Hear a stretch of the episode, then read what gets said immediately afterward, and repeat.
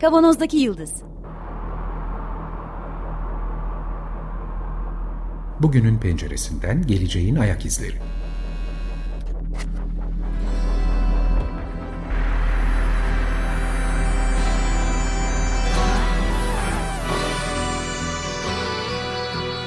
Hazırlayan ve sunanlar İsmail Başöz, Haluk Levent, Mustafa Yılmazer ve Fethiye Erbil. Zorlu Holding Sürdürülebilirlik Platformu Akıllı Hayat 2030, herkes için daha yaşanabilir bir dünya diler. Merhaba herkese. 95.0 ee, Açık Radyo Kavanoz'daki Yıldız programında bugün yine benimle berabersiniz Fethiye Erbil ben. Geçen hafta başladığımız Pegasus dosyası konusuna devam ediyoruz. Konuğum News Lab Turkey'den Ahmet Sabancı. Çok ilginç bir konuyu konuşmaya başladık. Bugün böyle bu mesele nedir, tehlikesi nedir ve bizler ve devletler, hükümetler, sivil toplum neler yapabilir? Geçen hafta ve bugün onları konuşmaya çalışacağız. Ee, belki geçen hafta kaçıranlar ya da unutanlar oldu diye Ahmet sana tekrar bir hatırlatmanı rica etsem senden. Bu Pegasus yazılımı nedir ve bu proje, bu dosya meselesi nedir diye.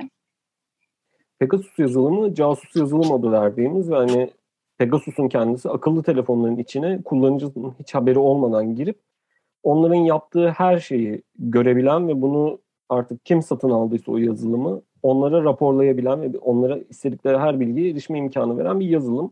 İsrailli merkezde NSO Group tarafından üretiliyor ve satılıyor.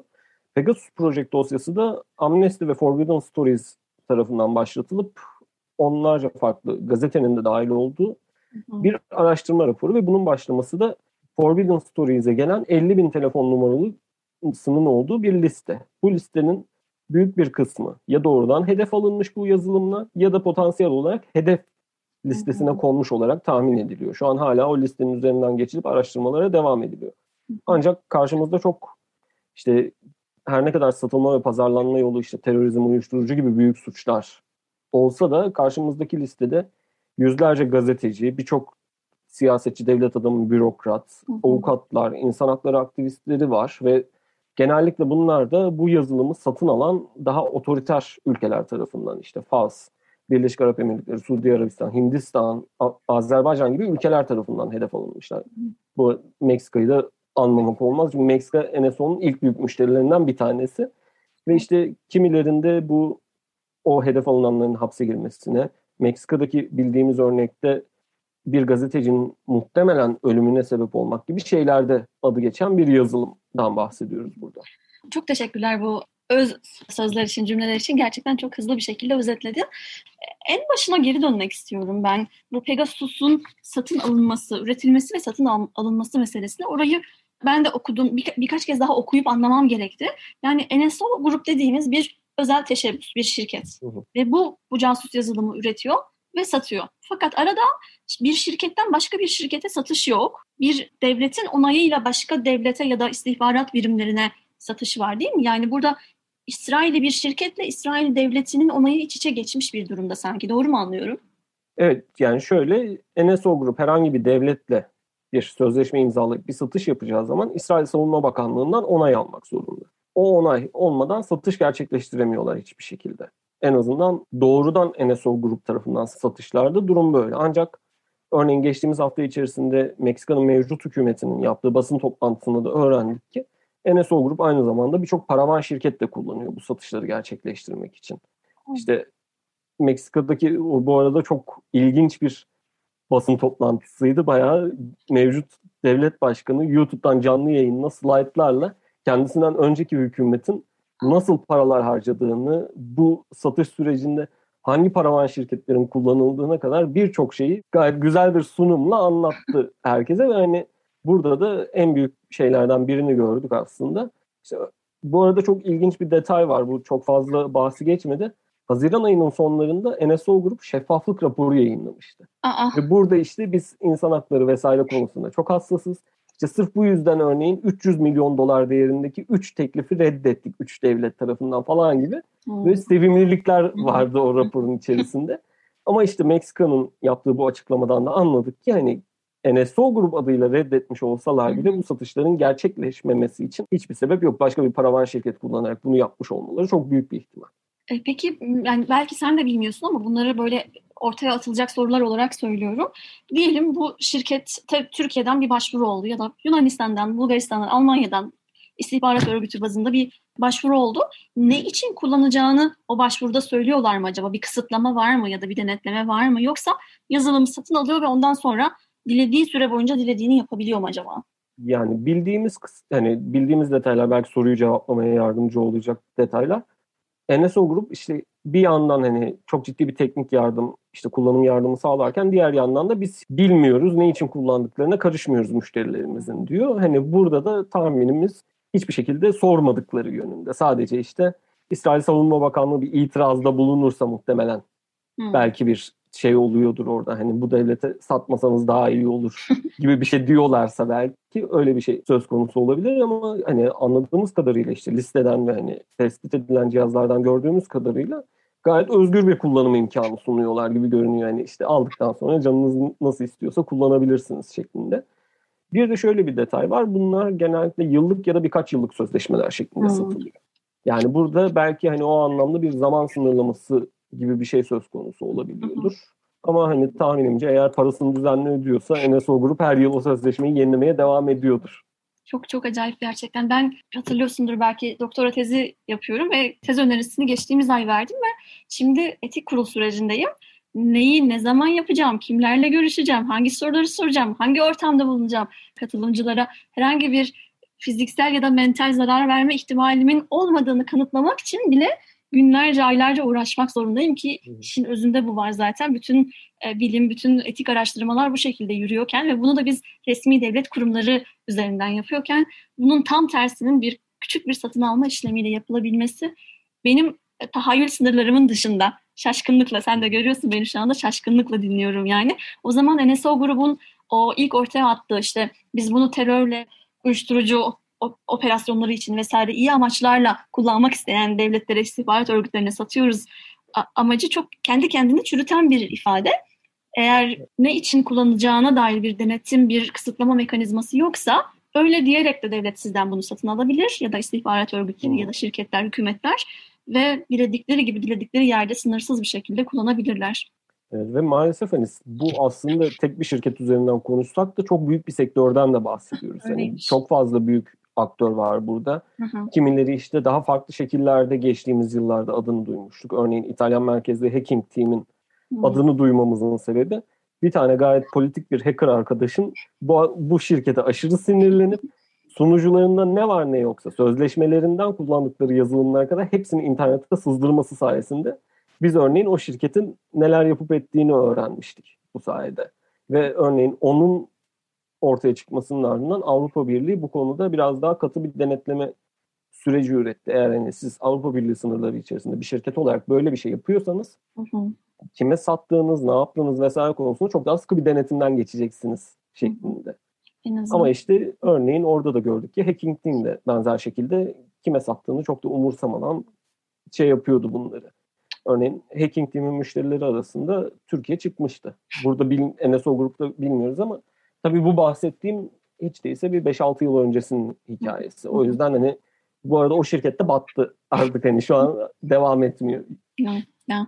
E, ama piyasası giderek büyüyor. Başka formlarda, başka isimlerle karşımıza çıkabilir. Ben böyle programın sonunda şeyi konuşmak istiyorum. Biz bu, bu şekil, bu, bu formdaki casus yazılımlara ve e, bu meselelere karşı ne yapabiliriz ama oraya böyle iki adımdan varmak istiyorum Ahmet. İlk adımı şu, farklı ülkelerden, iki gazetecilerden, siyasetçilerden bahsediyoruz. Belki hiç dinleyenler bunları detaylı duymamıştır. Bunlar hep böyle otokratik, demokratik olmayan yöneticilerin olduğu ülkelerden mi yoksa Batı ülkelerinden de insanların isimleri çıktı mı bu listeden? İkincisi de onu cevapladıktan sonra ben sana yeniden sorarım ama unutmayayım diye kendim şimdiden söylüyorum. Ee, senin yazında detaylı incelediğin, birkaç kez baktığım böyle linklerini de verdiğin şu kısımlar vardı. Bu yazılımın, casus yazılımın telefonlardaki nasıl çalıştığı, çalışma mekanizması. Hı hı belli linklere tıkladığımızda, gelen mesajların eklerini açtığımızda böyle üç farklı yöntemden bahsediyordun oh. sanırım.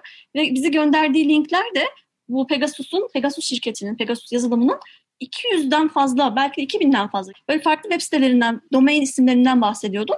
Oradan sanki şey, e, bu casus yazılımlara karşı ne yapabiliriz'e geçmek e, çok daha anlamlı olur. Önce dünyadaki farklı ülkelerdeki isimler, siyasetçiler, gazetecilere dair bize hatırlatmak istediğin kimler olabilir? Kimlerin adı çıktı listede? örneğin en büyük şeylerden bir tanesi neredeyse tüm dünyanın bildiği gazetelerin ve gazetecilik kurumlarının hepsinde çalışan bir ya da birkaç ismin listede olduğunu gördük. Hani New York Times'ından Washington Post'una, Financial Times'dan Wall Street Journal'a kadar ki Financial Times'da örneğin o zamanlar işte Orta Doğu'da Arap Yarımadası'ndaki baş editör olup şu an gazetenin başında olan isim Oo. hedef listesindeymiş. Ve hani takip edilmiş. Bunu öğrendik. Benzer şekilde hani büyük büyük gazetelerin özellikle daha da böyle işte bu yazılımı satın alan ülkelerin sevmediği alanlarda çalışan isimleri sıklıkla hedef alınıyor. Burada da işte şeyi görüyoruz. O ülkede olmasanız ya da o ülkeye doğrudan temasınız olmasa bile onlar hakkında kötü söz söylüyorsanız diyeyim hani onların bakış açısında hedef alınabiliyorsunuz bu yazılımlar sayesinde. Siyasetçiler açısından örneğin Macron'un adının geçmesi çok şeydi. En Yani çok o yankı uyandırdı sanıyorum. Evet en büyük isimlerden biriydi ama aynı şekilde Fas Kralı da takip edilenler arasındaydı. Güney Afrika'nın başbakanı, Irak Cumhurbaşkanı bu listede telefon numarası çıkan isimler arasında. Mısır Yani da varmış sanıyorum. evet. Mısır'ın ya başbakanı ya cumhurbaşkanı olması lazım. Başbakanıydı. Evet Mısır başbakanı. Ve hani aslında bu hani devlet liderlerine kadar hedef alınabilmenin mümkün olduğunu da gösteriyor bu yazılımlar. Çünkü işte konu dönüp dolaşıp şuna geliyor. Hepimiz aynı yazılımları kullanıyoruz. Ve hani bir kişi hedef alınabiliyorsa herkes hedef alınabiliyor demektir. Bu da aslında çok şeyi de bize gösteriyor. Bir geçen haftanın sonunda senin de dediğin gibi hani artık kalkıp belli bir ülkede, belli bir bölgede ya da belli bir kıtada yaşıyor olmanın geri kalan şeylerden bizi koruması gibi bir şey söz konusu değil. Çünkü artık işte ne kadar fiziksel olarak bir yerde yaşıyor olsak da dijital olarak ortak bir yerde yaşıyoruz. Öyle ya da böyle. Ve bu güvenliğin bu yüzden de uluslararası bir mesele haline gelmesine neden oluyor. Burada belki biraz konuyu böyle bir kaydırıyor gibi olacağım ama Lütfen. geçtiğimiz hafta içerisinde ilginç bir gelişme vardı. O da aslında dolaylı olarak bununla bağlantılı. Uluslararası dijital güvenlik konusunda Çin'in başını çektiği bir akım var. Hı. O da siber bağımsızlık. Hı. Bir anlamda işte bu hani aşırı birbirimize bağlı olma şeyinin güvenlik riski olduğu şeyiyle tıpkı Çin gibi her devlet kendi güvenliği bahanesiyle kendi internet sınırlarını çeksin, kendi dijital sınırlarını çeksin yaklaşımı ve işin kötü yanı bu giderek popülerleşiyor. Farklı ülkelerde bunun farklı versiyonlarını görüyoruz. Rusya bunu bir şekilde yapmaya çalışıyor. Hindistan örneğin Çin'le ne zaman aralarında gerilim olsa Çin merkezli şirketlerin yazılımlarını, platformlarını engellemeye çalışıyor. Ülkemizdeki sansür, denetim mekanizmalarının büyük bir kısmı aslında dolaylı olarak bununla ilintili. Ve bu maalesef hani dünyanın her yerinde popülerleşen bir akım. Ve işin daha kötü kısmı bunu güvenlik bahanesiyle yapıyorlar.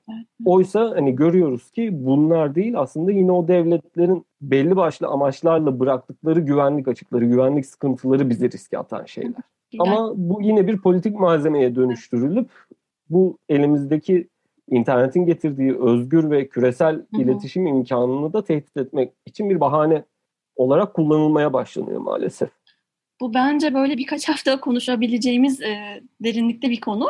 Onu da bir dosya konusu yapalım derim beraber. Siber egemenlik meselesi. Çünkü sanki böyle e, birkaç yüzyıl önce ortaya çıkan milliyetçilik kavramının dijital haliymiş gibi gerçekten. Ve bu yazılımları satın alan sanki bireylermiş gibi ya da sanki ufak tefek şirketlermiş gibi böyle reaksiyonlar veriyorlar ama devletler bunu yapıyor. Bunu güvenlik bahanesiyle daha çok sansür, daha çok e, ifade özgürlüğünü baskılamak için kullanacaklarını tahmin etmek herhalde çok zor olmasa gerek. E, o zaman e, bu casus yazılımlara karşı ne yapabiliriz sorusundan önce bu casus yazılımlar telefonlarımıza nasıl geliyor sorusunu sormak isterim sana. Ben haberdar olabiliyor muyum, fark ediyor muyum? Neyi, neyi fark etmiyorum da bunu benim telefonuma yükleyebiliyorlar? Elbette böyle sıradan bir vatandaş olarak Hı. doğrudan beni hedef almayabilirler ama yine de bunu teknik olarak biraz bilmek isterim. Aslında şöyle bir şey var. Bu saldırılar belki casus yazılım üreten şirketler tarafından olmasa da aynı teknik ve aynı yöntemler hemen herkes tarafından kullanılıyor. O yüzden hani işin teknik kısmını bilmek her anlamda herkes için faydalı olabilir. Burada iki kavramı kısaca tanımlamam gerekecek önce. Birincisi sıfır gün açıkları, güvenlik açıkları dediğimiz bir şey var. Buna sıfır gün denmesinin sebebi ise bu açık keşfedildiğinde bu yazılımı üreten ekibin bile haberi yok bu, bu güvenlik açığı, açığının olduğundan. O yüzden de açıklardan bahsediyorsun Ahmet? E, Kullandığımız ım, uygulamalarda cihazın içerisindeki herhangi bir şey olabilir bu. Bir uygulamada olabilir, sistemin kendi parçası da olabilir. Bunların içerisindeki henüz bilinmeyen bir güvenlik açığı. Hı hı. Bu yazılımlar, casus yazılımlar bunları bulmak ve bunları manipüle etmek Hı. odaklı çalışıyorlar işte. Hı hı. NSO grubun örneğin 750'den fazla araştırmacısı var sırf bunlar üzerine çalışan. 750 araştırmacı. Evet. Bildiğin bu işi yapıyorlar. Tek işleri bu açıkları keşfetmek, bunları manipüle edecek bir casus yazılımlar üretmek. Ve hani gayet böyle güzel paralara da çalıştıkları için. Ki bir de şöyle bir şey var. Bunun bir de sektörü var. Örneğin bir araştırmacı, bir hacker eğer bir açık bulduysa böyle hı. iki yolu var. Hı. Birincisi o şirkete eğer işte Hı. bu şirketler bir ödül mekanizması vesaire varsa ya da yoksa da bildirip o açığın kapatılmasını sağlamak. Hı. İkincisi de NSO grup gibi bunları satın almaya gönüllü olanlara bunları satmak bu açıkları. E, İlkini daha çok medyada görmüştük geçtiğimiz senelerde. Şu kadar ödül aldılar, ödülü beğenmediler, keşke söylemeseydik dediler diye. Bu arada onunla ilgili hani o Türkiye'deki o ödül alma muhabbetleriyle ilgili Utku Şen'in çok güzel güvenlik araştırmacısı Utku Şen'in çok güzel bir videosu var. O haberlerin büyük bir kısmı sahte. Onu da not olarak düşeyim. bu noktadan sonra iş bu güvenlik açığını manipüle edecek bir araç üretmeye geliyor. Bir yazılım üretmeye geliyor. Eskiden bunlar daha bildiğimiz yollarla yapılıyordu. İşte bir e-mail ya da bir mesajla size bir içindeki o virüsün içine saklandığı bir ek dosya göndermek ya da tıkladığınızda otomatik olarak o zararlı yazılımı, casus yazılımı indirecek bir link göndermek Hı hı. şeklinde. Ama insanlar giderek bu konuda daha da bilgilendiler. Artık hani çoğu insanı o şekilde kandırmak mümkün değil. Bu yüzden de sıfır tık adı verdikleri yeni bir yol geliştirmeye başladılar.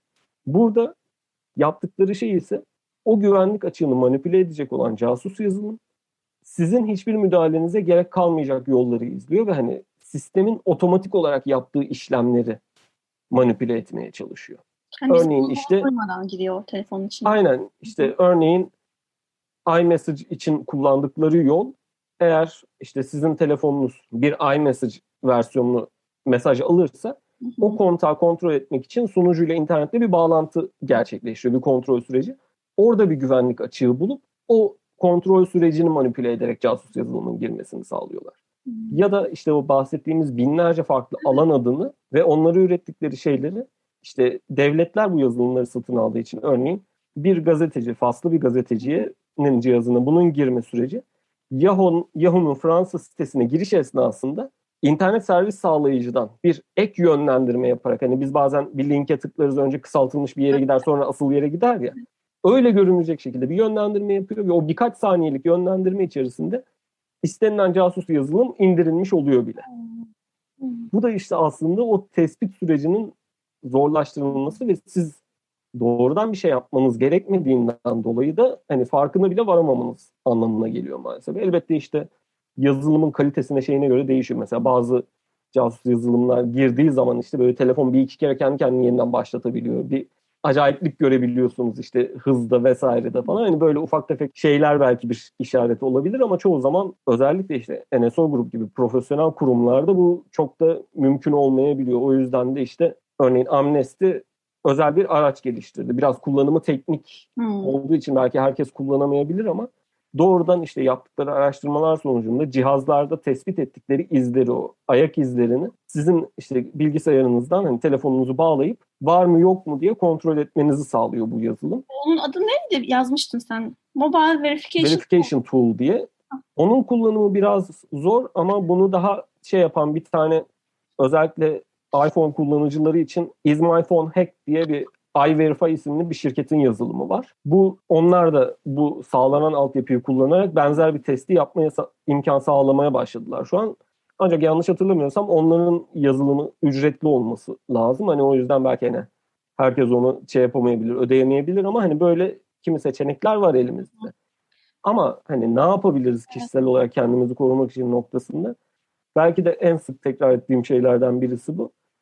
Cihazımıza gelen o güncellemeleri eksiksiz bir şekilde yapmak. Çünkü çoğu zaman işte bu henüz tespit edilememiş güvenlik açıkları bir şekilde kullanılmaya başlandığında yazılımcılar özellikle de işte Google ve Apple söz konusu olduğunda onlarca yüzlerce kişilik güvenlik ekiplerinden bahsediyoruz. İşleri güçleri sistemin güvenliğini güçlendirmek olan insanlar bir şekilde böyle bir manipülasyon, böyle bir kötüye kullanım olduğunda bunu tespit edip ardından buna dair şeyler, açığı kapatmaya yönelik geliştirmeler yapıyorlar ve bizim hani çoğu zaman ertelediğimiz, üşendiğimiz o güncellemelerin içinde onların hepsi geliyor. Hmm. O yüzden de en azından hani o riski minimuma indirmek için o güncellemeleri aksatmamak hmm. ve hani örneğin işte belli bir süre sonra yeni bir telefon alacağımız zaman işte alacağımız markanın modelin bu tarz güncellemeleri uzun yıllar alıp almayacağı konusunda emin olmak belki faydalı bir şey olabilir.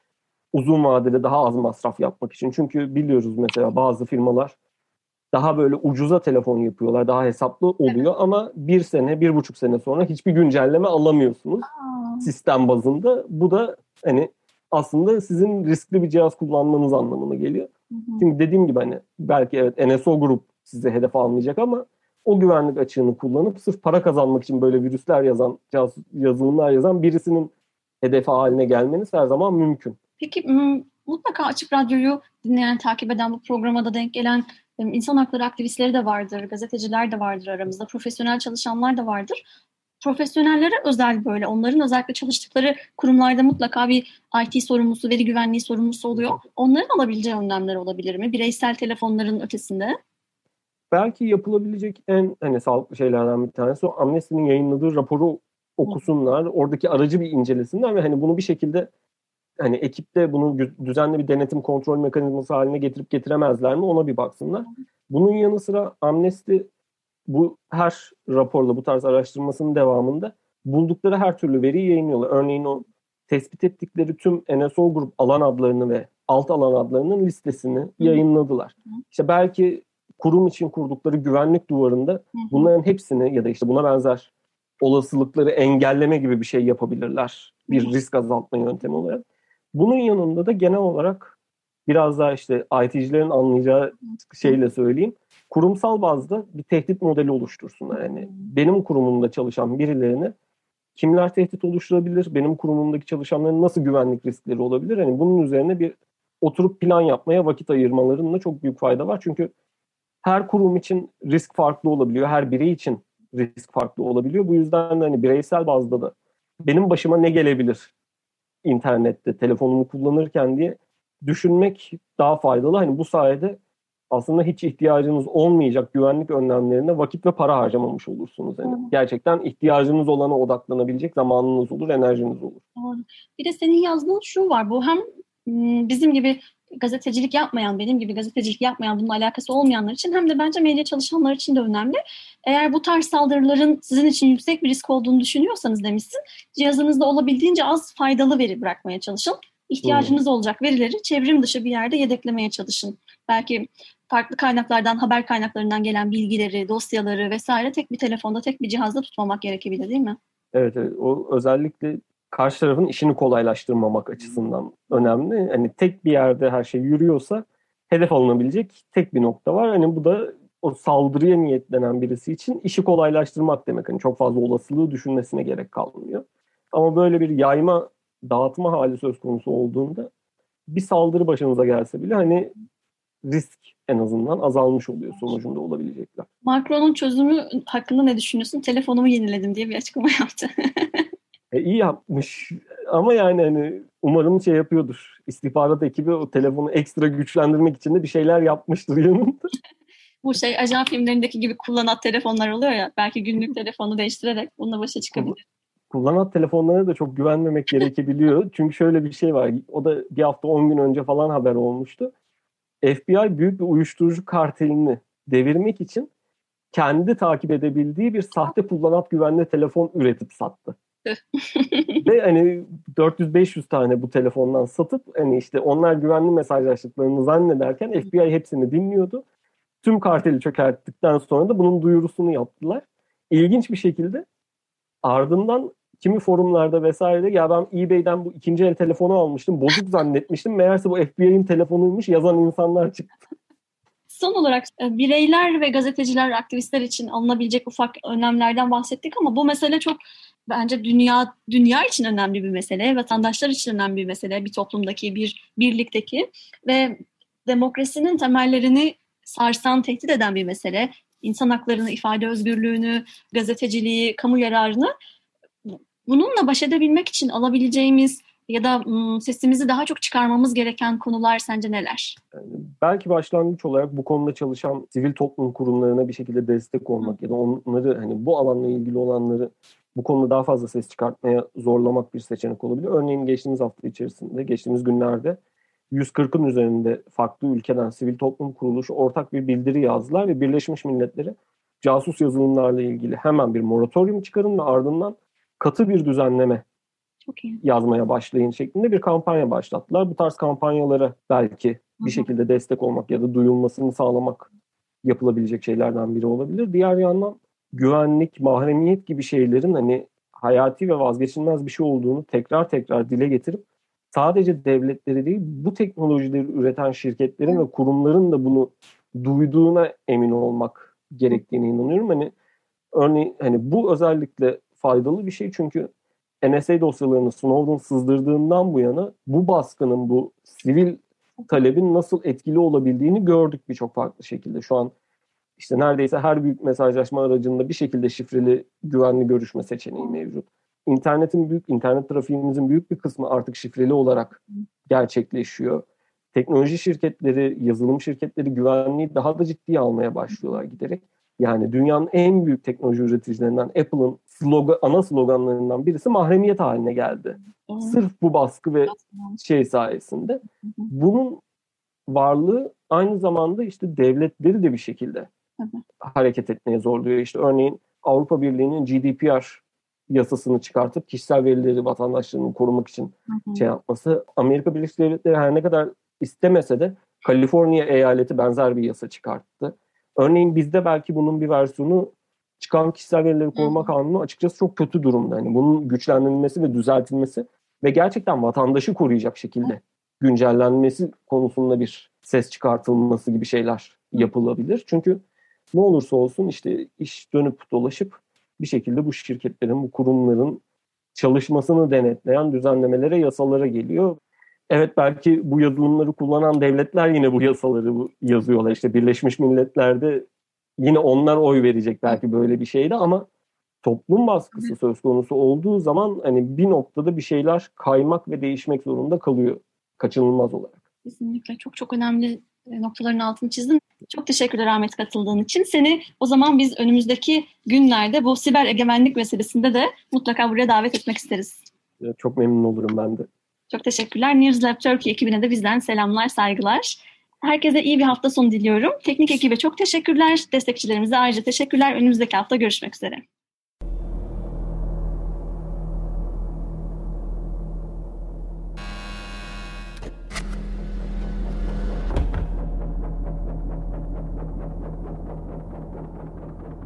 Kavanozdaki Yıldız Bugünün penceresinden geleceğin ayak izleri.